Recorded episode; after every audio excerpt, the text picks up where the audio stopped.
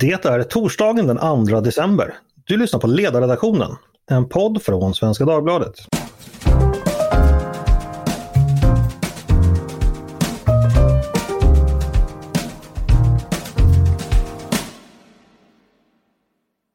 Varmt välkomna ska ni vara. Jag heter Andreas Eriksson. Det var ju så att vi fick en ny regering i veckan. För första gången sedan 2006 har vi en helt och hållet socialdemokratisk regering 12 ministrar fick nya poster och vi fick nio helt nya ministrar som inte har suttit i regeringen tidigare. Vad betyder då detta för eh, just nu och vad betyder det för framtiden? Med mig för att tolka detta har jag två erfarna spanare från den socialdemokratiska sidan. Marika Lindgren Åsbrink, chefutredare på Socialdemokraterna med en lång rad av uppdrag för partiet bakom dig. Eh, varmt välkommen! Tack så mycket! Och Daniel Svedin, politisk redaktör på tidningen Arbetet som tidigare jobbat i statsrådsberedningen också. Välkommen du också! Tack, tack! Eh, vi sätter väl igång från början. Eh, jag tänkte fråga dig Marika. Eh, blev du överraskad av något i den regering som presenterades i veckan och i så fall av vad? Ja, men jag blir alltid överraskad för jag tycker att det är så här ökänt svårt att eh, gissa vilka som ska bli statsråd. Eh, men det är klart att det är ännu svårare att gissa personer som kommer lite mer utifrån än personer som plockas från riksdagsgruppen och så. Men um, så att visst, lite, det, ja. Nej, men jag blev överraskad av lite allt möjligt. Exempelvis? Ja, jag hade ju aldrig kunnat tippa Charlotte Gustafsdotter till exempel eftersom hon ändå eh, kommer lite mer utifrån. Um, mm. Men liksom, som sagt, det gäller ju lite grann alla också för att det är ju också så att det finns ju alltid många bra kandidater. Det finns alltid liksom fler um, personer som skulle kunna ha de här uppdragen än som faktiskt får dem. Så att liksom, det är alltid typ omöjligt att säga exakt vilka det blir. Mm, så är det. Eh, Daniel, ni på Arbetets redaktion gjorde ett tappert försök med att tippa eh, tidigare i veckan. Eh, gick tipsen in? Ja, eh, listan var väl mer eller mindre seriös eh, och vi byggde ut regeringen också väldigt mycket eftersom vi inte kunde kompromissa så himla bra. Men den var ändå byggd på en del eh, bakgrundssamtal ska jag säga. Mm. Och några gick väl in, alltså vi har ju med rätt många som är kvar i regeringen. Ehm, så, eller Karl-Petter Thorwaldsson fick vi in, men honom trodde vi skulle vara jämställdhetsminister. Och vi trodde väl att eh, Ygeman skulle bli civilminister, det blev han inte, men att han skulle få en lite, lite mer framträdande roll och sådär. Eh, några andra tips som väl var mer eller mindre seriösa som Daniel Suhonen och Agneta Stark och eh, ja, vad ska man säga, Amineh Kakabaveh som konsultativt statsråd. Där fick vi inte in. Nej. vi inte in. Det var lite vildare gissningar, kanske det sistnämnda framförallt. Kanske. Absolut. Ja. Eh, tänkte också fråga en allmän sak vad ni tänker om det. Det är ju alltid en stor medial grej när man utser en minister. Journalister älskar att stöta och blöta personer. Vi tyckare älskar det också hur viktigt är det egentligen de här enskilda ministrarnas eh, personliga, alltså deras personer för att en regering ska, ska lyckas? Är det eh, kanske överskattat eller är det ändå jätteviktigt? Eh, börja med dig Marika, vad, vad tänker du där? Det är klart det spelar väldigt stor roll vilka personliga egenskaper man har. Ehm, jag tycker väl att den viktigaste egenskapen som statsråd är ju förmågan att få någonting gjort. Ehm, och det är klart att människor är olika bra på det. Mm. Ehm, sen så är ju också en regering förstås en, ett lag och liksom en helhet. Så det är ju en fördel om personer har lite styrkor på lite olika sätt. Liksom. Um, men, men um, uh, nej, men alltså självklart spelar det roll uh, att det är personer som liksom, ja, både kan nå ut, som har liksom förtroende med sig och som uh, framförallt kan få någonting gjort. Och, um, sådär. Mm. Så att, ja. Daniel, jag tänker just på det här eh, det mediala runt en regeringsbildning. Det pratas ju alltid om ministrar. Det är någon sån rituell rundfråga vilka som har knarkat och så vidare. Mm. Vi vet att eh, man har folk som scoutar ordentligt och man får då bekänna alla synder och sånt. Har det blivit för mycket av det där fokuset på personlig vandel tänker du eller är det fortfarande är det, är det viktigt och rimligt att man, man gör det? Nej, det är väl klart att eh, är man liksom brottsbelastad på något sätt så är det väl inte jättebra när man är i förtroendebranschen eh, till exempel. Eh, så det är mm. väl inte jättekonstigt. Däremot så kan det väl vara lite sådär... Man, jag, jag kan ju uppfatta att det finns en liten tröttma. Jag vet inte om jag präglas av att jag ser de reaktionerna som liksom tykonomin alltid kommer med när, när man liksom avslöjar att en minister har rökt hasch eller tagit en lina kokain. Alltså, yes, det, här, alltså, det här har alla gjort. Eh, mm. tror jag väl att alla har väl inte gjort det, men jag uppfattar ändå kanske att det finns en liten tröttma i saker som inte uppfattas som så himla belastande när man gjort en sak för 20 år sedan. Ja, för den här Marianas-spliffen då som obligatoriskt dyker upp, den mm. får väl anses vara politiskt helt ofarlig numera. Jag vet inte om det någonsin har varit så eh, liksom, laddat i Sverige. Det känns ju lite grann som en så här import direkt från USA där det verkar varit en...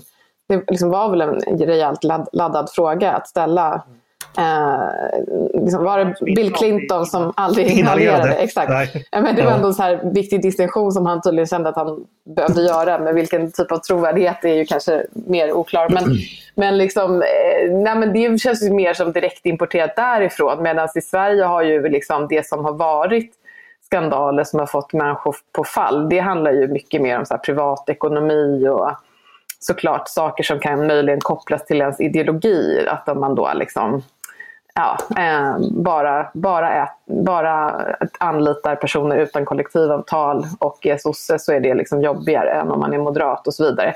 Men det är ju sådana grejer som skulle kunna liksom, eh, göra ont eh, på svenska politiker. Men, men där är det ju så tydligt att det här har ju verkligen blivit en ritual där det är uppenbart att det måste diskas av.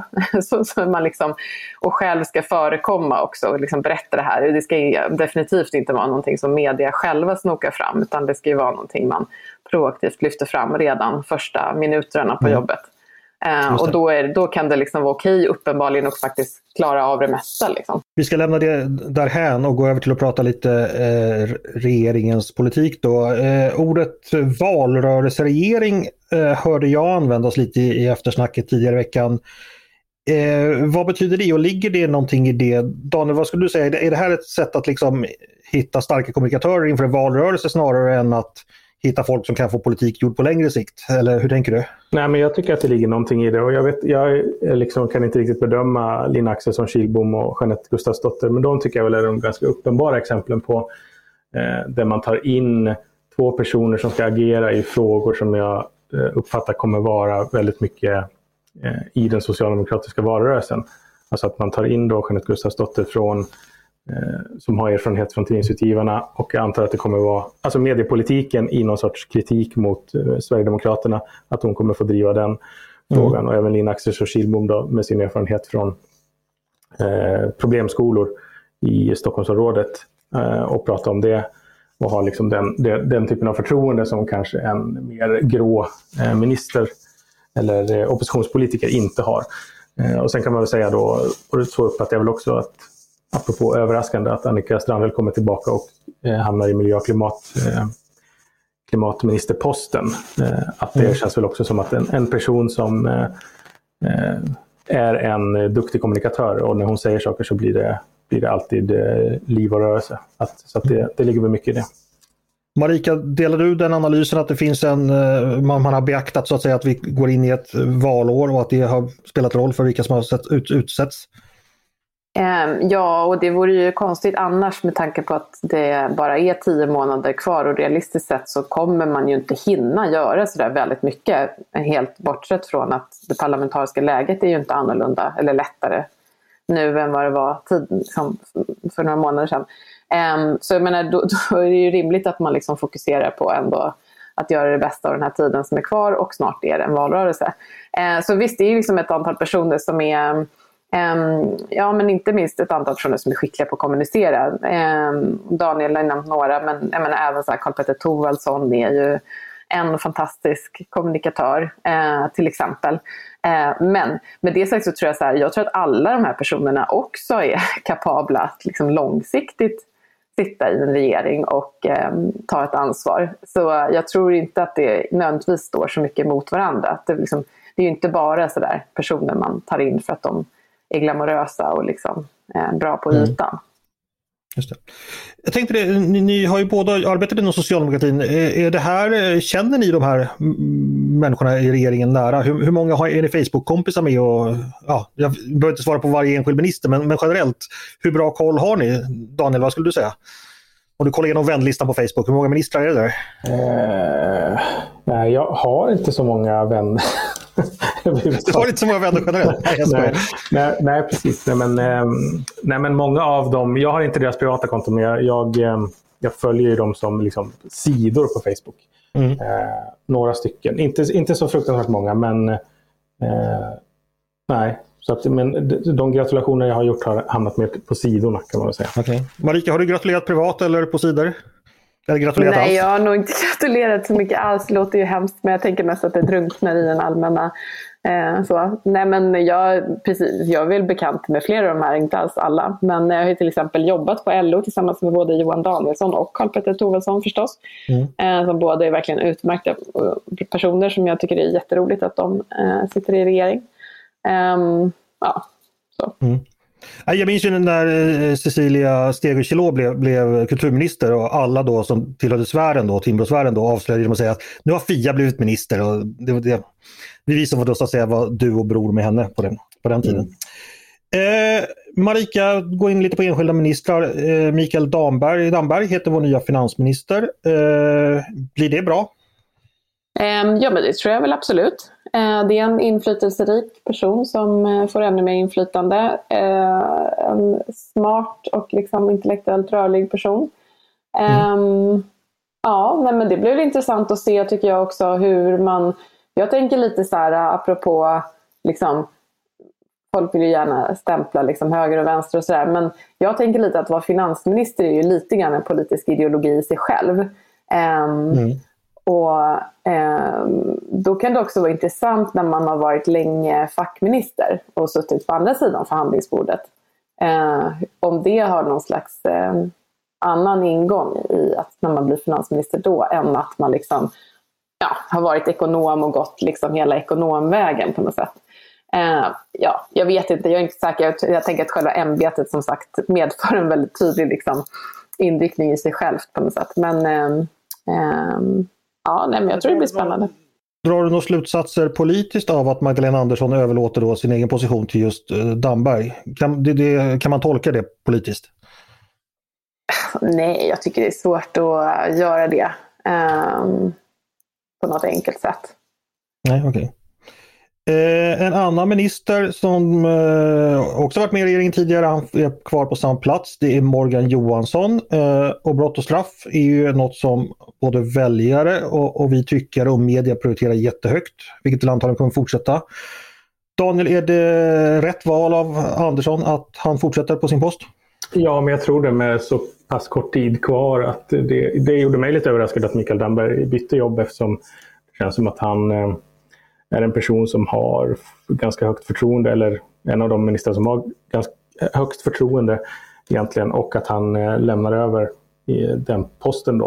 Eh, mm. Men, och det, det, är väl detsamma med, med, med eh, Morgan Johansson, att även om jag vet att väldigt många borgerliga tyckare tycker att han är en jättedålig och dum minister för att han twittrar så ja, halv, halvbra grejer får man hålla med om. Men att han är ändå en person som väljarna har förtroende för. Dessutom så mm. tror jag att han står för någonting som är väldigt viktigt och det är politisk erfarenhet. Och eh, det gör att politisk erfarenhet gör att samarbetet med tjänstemännen blir lättare. Det bidrar till eh, större förtroende när han ska förhandla med andra i riksdagen eller i partiet. Och han har större handlingsfrihet och han har en maktbas som ökar hans betydelse i, i regeringen. Så att han är dumt att byta ut honom i en, i en fråga som man tänker att man ska vinna valet på eller åtminstone spela 0-0 mm. med höger. Ja, det är väl snarare spela 0-0 för det är Moderaterna som, eller högerblocket som tänker vinna valet där tror jag. Mm. Eller har de föreställt sig själva i alla fall. Mm. Eh, Marika, vad tänker du om det? Brottslighet och trygghet, jätteviktiga frågor för väljarna vet vi. Eh, oppositionen är laddad till tänderna här. Hur tror du att Andersson tar sig an det generellt och vilken roll spelar Johansson i det? Nej men det är ju tydligt att det är en väldigt prioriterad fråga. Hon har ju varit, Magdalena Andersson har ju varit väldigt, eh, eh, återkommit till sina tre prioriteringar där det här är en av de viktigaste eh, hela tiden. Mm. Och eh, då blir det också väldigt tydligt att det liksom är Morgan Johansson och Anders Ygeman eh, på justitiedepartementet som blir ansvariga för hela det komplexet. Liksom. Ehm, och ehm, jag tror att det kommer märkas mycket, absolut. Eh, framöver. Mm. Och det var ju redan lite, det var ju den typen av förslag som droppades också i regeringsförklaringen. Ehm, som exempel på det. In, in, som, det handlade om ungdomsbrottslighet och lite olika, ja, lite olika såna konkreta sakförslag. Liksom, och det kommer vi fortsätta se jättemycket mer tror jag. Mm.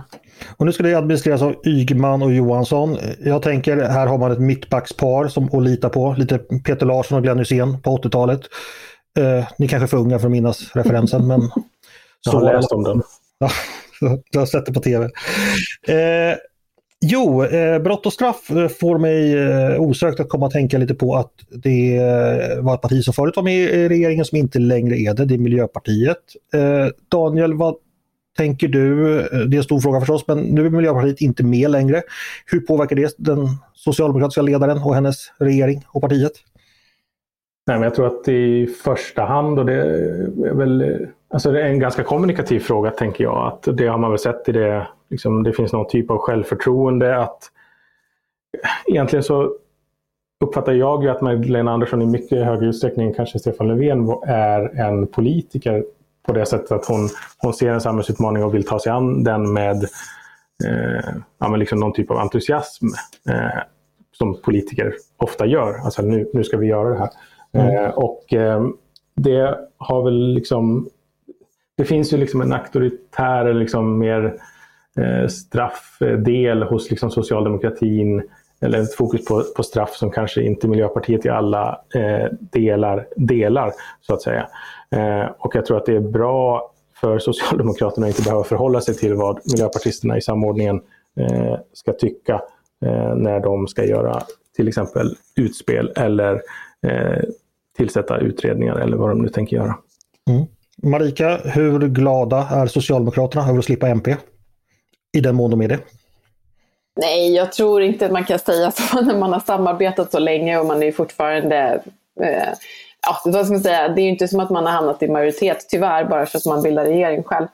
Um, men eh, visst, det, det, finns ju utrymme ändå kanske att lägga vissa typer av förslag. Jag skulle ju tycka att det vore underbart om man kunde faktiskt komma till rätta lite mer med eh, arbetskraftsmigrationen. Eh, mm.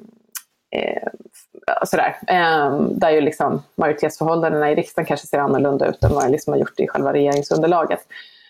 Um, så um, det vore ju spännande liksom, om man äntligen kunde komma någon vart där efter många års, liksom, ja, där det inte varit möjligt. men vi får väl se. Det, ja, det är inte så mycket tid kvar heller som sagt. Man hinner inte hur mycket som helst.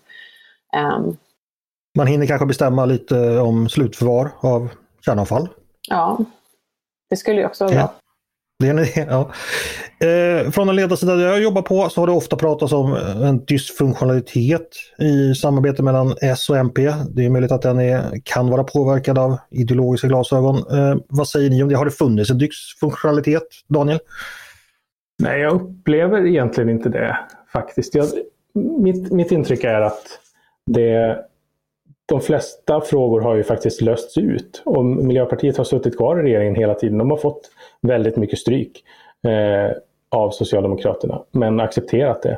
Och, eh, du skulle väl säga att Socialdemokraterna har fått böja sig väldigt mycket också. Och det kan man ju säga att det stämmer också. Att det, det är trots allt ett samarbete som har, har fungerat relativt bra. Eh, de har väl liksom inte alltid varit sams och det är kanske inte liksom, majoritetsförhållanden i riksdagen har ju väl inte heller gjort att det alltid kan bli på det sättet som man har beslutat.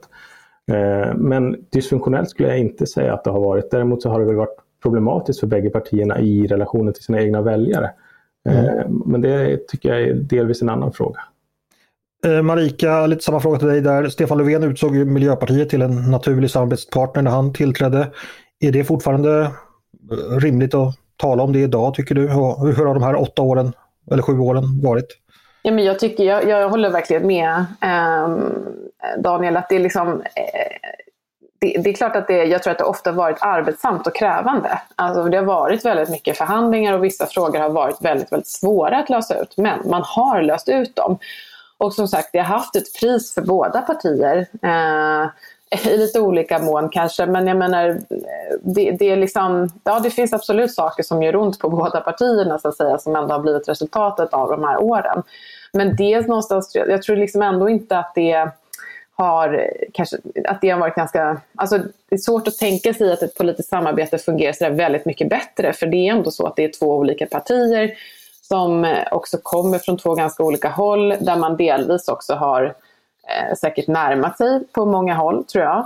Um, och i grunden så handlar det nog ändå om att man har velat varandra väl. Och det är ju mm. en ganska bra förutsättning ändå för Sen kan man stå olika, i vissa frågor står man långt ifrån varandra, men som sagt det tror jag är liksom omöjligt om man är två olika partier. Det kan inte vara på något annat sätt. Men om man ändå i grunden är angelägen om att liksom komma överens, ha, tänker sig att man ändå har ett någorlunda långsiktigt samarbete framför sig och att man vill varandra hyfsat väl. Ja, då, och det, de förutsättningarna har funnits. Och då tycker mm. jag ändå liksom, det har blivit så pass bra som det har kunnat. En sak man kan säga där som är lite intressant är när, när de här två partierna bildade regering 2014 så var det ju fortfarande i liksom, eh, Miljöpartiet var liksom nästan i läge att de skulle bli Sveriges största parti, hade de väl fortfarande kvar efter liksom, Juholt-kollapsen. Eh, mm. FI var liksom, på, på banan.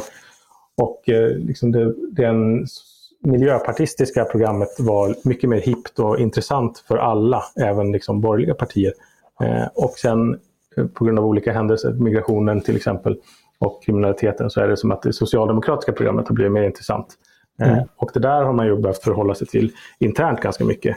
Eh, och det tror jag har varit eh, ganska svårt för miljöpartisterna. Men som sagt, det har ju, det har ju fungerat.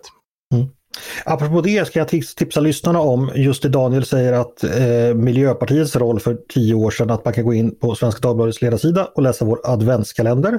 Och den första luckan som vi öppnade igår den handlade faktiskt om när jag och eh, en annan medarbetare på eh, sidan, Paulina Neuding, vi hade en tidning ihop förut som heter Neo och vi anordnade en debatt mellan Maria Wetterstrand och den kända liberalen Johan Norberg i Almedalen 2010. Och då var det stor sämja mellan liberaler och miljöpartister och det, ja, det, var, det var en helt annan värld då kan, kan sägas. Alltså, det har hänt mycket sedan dess. Men in och läs mina minnen därifrån så, så kan ni få lite inblick hur det var så sent som 2010. Eh, vi ska hinna med och prata några andra enskilda ministrar också för det är ju alltid kul med personer. Eh, ny kulturminister brukar ju alltid vara intressant. Det har varit omdiskuterat de senaste gångerna. Den här gången blev det Jeanette Gustafsdotter. Eh, Marika, har du några tankar om det valet? Nej, men lite som eh, Daniel var inne på så tänker jag att det, är den signal man skulle kunna läsa ut av det är ju eh, att man prioriterar just mediepolitiken. Eh, mm. Och det tänker jag, det tror jag kan tänka mig säger en del om Magdalena Andersson, eh, hur man väljer att ta sig an det. Att det liksom handlar ganska mycket om, det är lite så här historiematerialistiskt, alltså det är ändå någonstans, vad är liksom vad är det som avgör utvecklingen i ett samhälle? Alltså så här, då, och då tänker jag att liksom förutsättningarna för media och förutsättningarna för journalistiken är väldigt viktiga. Och inte minst kopplat till det som Magdalena Andersson lyfter kring liksom, demokratins vikt. Hon avslutade regeringsförklaringen med att liksom, vända sig till alla och att bidra till att liksom, stärka demokratin och sådär. Eh, och här är såklart spelar ju liksom, media eh, och eh, utvecklingen liksom, bara den tekniska utvecklingen och vad det innebär för den här branschen och vad det i sin tur säger om demokratin. Plus förstås liksom själva liksom SD och um, den utmaningen så att säga för eh, journalistiska grundprinciper och så. Men eh, eh, ja, jag tänker att det säger ändå att man liksom prioriterar den frågan och det, tror jag, det tycker jag är intressant och jag tror också att det är, är viktigt. Mm. Daniel, det har ju varit Miljöpartiet som har haft de två tidigare senaste eh, kulturministrarna. Nu tas det hem till socialdemokratin då. Eh, betyder det någonting? Eh, nej, men det, har jag väl alltså det verkar ju alla ha trott hela tiden att det skulle bli Lawen Redar som eh, sitter i riksdagen, är den som skulle ta över. Att det skulle vara den starkaste signalen om att Socialdemokraterna har ett, ett eh, kulturintresse på riktigt och att man tar in en, en kulturpolitiker som har fått eh, bygga liksom en plattform under ganska många år. Eh, så det, där är väl jag en av ganska många som är överraskad att det inte blev, blev hon som, som tog över. Eh, så får vi se hur mycket eh, liksom, socialdemokrat som Jeanette Gustafsdotter är eh, när det gäller eh, hela kulturpolitiken. Det är hon väl i och med att hon är regeringsföreträdare såklart.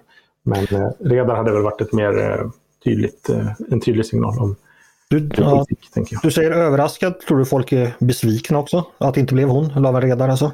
Ja, det tror jag väl att eh, många är. Eh, eller många, men jag tror att en del hade förväntat sig att det skulle bli en... en liksom, alltså kulturpolitiken skulle för, behöva en, en, riktig kulturpolitiker på, på så sätt. Mm. Så det, det, tror jag. Eh, och så har vi fått en ny skolminister också. Eh, kanske lite mer oväntat namn. Eh, Lina Axelsson Kilbom, eh, känd från tv. Marika, var det ett namn som hade figurerat i dina spekulationer? Nej, men som sagt, jag spekulerar typ inte alls. Eh, men nej, det hade jag väl inte gissat. Um, så det ska bli intressant att se. Men det, det säger väl absolut att man prioriterar, alltså, um, det, det är absolut liksom, känns ganska pikt och friskt att ha uh, en person som har väldigt hands-on erfarenhet från ja, men just de skolor som har de största utmaningarna. Mm. Um, och liksom, um, hon, hon har ju en tydlig politisk eh, prägel också som jag tror är bra. Liksom. Um, ja, men jag har nog inte så jättemycket mer att säga om det men jag tror att det kan bli eh, spännande. Absolut. Mm. Axelsson Kilbom ska sägas då, hon har ju varit eh, rektor eh, på Ronnaskolan bland annat. Kommer närmast som en, eh, från en chef, verksamhetschef har hon varit i Nynäshamns kommun för barn och omsorg, eller barn och utbildning. Så hon har, kommer då direkt ut från kommundjupet där ute. Det som är lite intressant med henne kan jag säga är väl att då, då blir ju Anna Ekström av med, med skol, skolfrågorna och eh, tappar ju också de propositioner om jämlikhet i skolan som eh, ska genomdrivas nu under eh, våren, att det får den nya skolministern ta över. Det, det, är intressant att se hur, hur det kommer gå.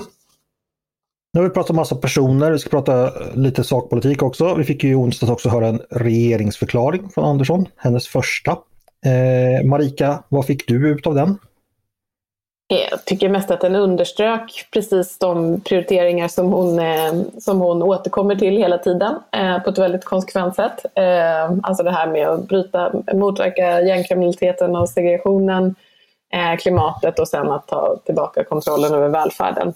Ehm, ja, Nej, men och lite så här också det här understryka demokratin och att det ändå finns vissa farhågor på något sätt för hur, alltså allas ansvar för att bidra till att demokratin fortsatt står stark och så. Mm. Um, ja, det var väl ungefär det hon talade om. Men du, du, du föll inte av stolen när du hörde den? Nej, men jag vet inte om man så ofta gör det av regeringsförklaringar. För det, dels så befinner sig ofta på en ganska övergripande nivå. Det är klart att det är så här kremlologiskt finns det alltid vissa så här, åh varför satte hon kommatecknet där och inte där. Liksom. Men ofta är det ju ändå saker som någonstans är kända som, som pekas ut i de här regeringsförklaringarna. Det, det ska ju någonstans vara, liksom, det här har vårt parti drivit tidigare och det här är frågor som vi kommer att prioritera framöver. Så att, ja, det kändes väl igen. Och sen är det en lite speciell situation när liksom, budgeten är redan tagen och eh, det är tio månader kvar till valet. Så det går ju liksom inte att lova allt för mycket kanske. Mm. Eh, Daniel, samma fråga till dig. Lade du märke till något kommatecken som var flyttat åt det ena och andra hållet som är värt att lyfta? Nej, men jag tyckte det var ganska intressant med den här avslutningen som var lite mera eh, vad ska man säga, kommunitärt. Där liksom, eh, ja, nu, nu ska vi göra det här tillsammans. Eh, det här ansvaret, eh, eller ansvaret för det här samhället har vi gemen, bär vi gemensamt. Eh, och det kan inte bara vara politikernas ansvar att se till att det blir ordning och reda. Det, jag gillar det tilltalet. Sen är det väl liksom, politikerna har väl ett ansvar att se till att folk kan eh, ta, ta det ansvaret. Men jag tyckte det var en ganska intressant, eh, det är liksom corona, coronaretoriken som, eh, som flyttar in i eh, regeringsförklaringen på något sätt. Jag tyckte det var, det var rätt intressant. Mm. Det var roligt att hon sa att det här med att boka tvättstuga var liksom en del av att upprätthålla demokratins normer i vardagen. Jag måste säga att jag aldrig någonsin har tänkt på det på det sättet. Men ja, varför inte? Det var tjusigt. Eh, jag tänker så här, eh, det har ju talats en del om eh, betydelse för Socialdemokraterna då att man får en ny start, man har en ny ledare, delvis nya ministrar på min kant har det då lite magsurt anmärkts att ja, nu ska de gå i opposition mot sig själva igen och Magdalena Andersson kommer att då inte vilja ha någonting med eventuella misslyckandena som Stefan eh, Löfven är ansvarig för. Eh, Marika, vad tänker du? Eh, ligger det någonting i detta och i så fall kommer det funka? Um, nej men jag tänker att det, det, så här, det här att gå i opposition mot sig själva eller mot, mot orättvisor, det är klart att det har väl alltid varit någon slags Ehm, utmaning för socialdemokratin när man då väldigt länge har styrt Sverige men fortfarande måste liksom sända signaler. Alltså så här, man vill ju fortfarande visa att man, får, att man vill åstadkomma saker och att man inte är nöjd med, alltså med liksom, eh, att allting redan är toppen och så. Men menar, och, och någonstans är det också så här högst rimligt, särskilt när man då med dagens mandatfördelning har 28 procent, så är man ju liksom inte ja, det, det, alla beslut eh, är ju definitivt inte så som Socialdemokraterna hade önskat. eh, de senaste tre åren. Eh, om, om, de själva, om vi själva hade fått bestämma. Eh, så det är väl liksom inte konstigt egentligen att kunna vara lite sådär, att, att gå i opposition, att tydliggöra vad man själv vill. Det tror jag är, det, det behovet av det kommer ju definitivt inte minska i takt med att liksom, partilandskapet blir allt mer fragmentiserat.